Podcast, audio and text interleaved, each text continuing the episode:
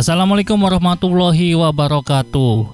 Selamat berjumpa lagi dengan saya Walik yang ingin berbagi cerita mengenai berbagai hal. Langsung saja kali ini saya ingin menceritakan atau ingin berbagi tips buat Anda-anda yang pernah mengalami kehilangan kendaraan bermotor. Jadi, kalau kendaraan bermotor hilang, itu rasa kesel, rasa nafsu, rasa sedih pasti bercampur aduk. Ketika kendaraan yang biasa tiap hari menemani kemudian hilang, itu luar biasa.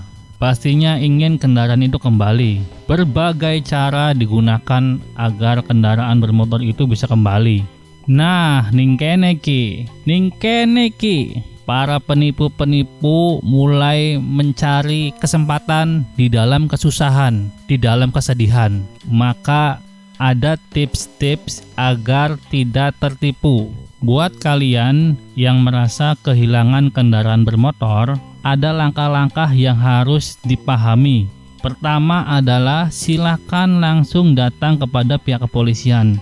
Laporkan bahwa motor Anda itu telah hilang dengan jelas di mana jam berapa motornya apa kalau perlu serahkan fotokopi BPKB atau STNK yang kedua silakan Anda meminta tolong kepada rekan, saudara, atau siapa pun untuk ikut membantu mencarikan motor Anda. Mau dalam bentuk share info di grup WA, di media sosial, atau di kanal-kanal lain silahkan. Dengan cara itu sedikit bisa membantu menutup ruang gerak pencuri motor Anda. Yang ketiga, sering-sering baca informasi mengenai prestasi kepolisian dalam mengungkap kasus-kasus begal atau kasus-kasus pelaku pencurian kendaraan bermotor. Mungkin di saat pihak kepolisian berhasil menangkap pelaku kejahatan pencurian kendaraan bermotor, ada di antara salah satu mereka pernah mencuri motor Anda. Yang keempat, simpan semua surat-surat dengan rapi, jaga baik-baik saat pihak kepolisian menginformasikan bahwa telah menyita puluhan barang bukti kendaraan bermotor silakan datang ke kantor polisi dengan membawa surat-surat yang lengkap agar motor itu bisa diambil. Jika sesuai dengan nomor polisi, nomor mesin, dengan STNK dan BPKB, maka motor bisa diambil. Nah, yang patut diwaspadai adalah saat ada orang yang mengaku menemukan motor Anda. Biasanya ketika informasi itu disebar di media sosial, banyak penipu-penipu mengaku menemukan motor Anda dan meminta tembusan. Saat mengalami hal itu, maka yang harus dilakukan adalah pastikan bahwa orang tersebut benar-benar menemukan motor Anda.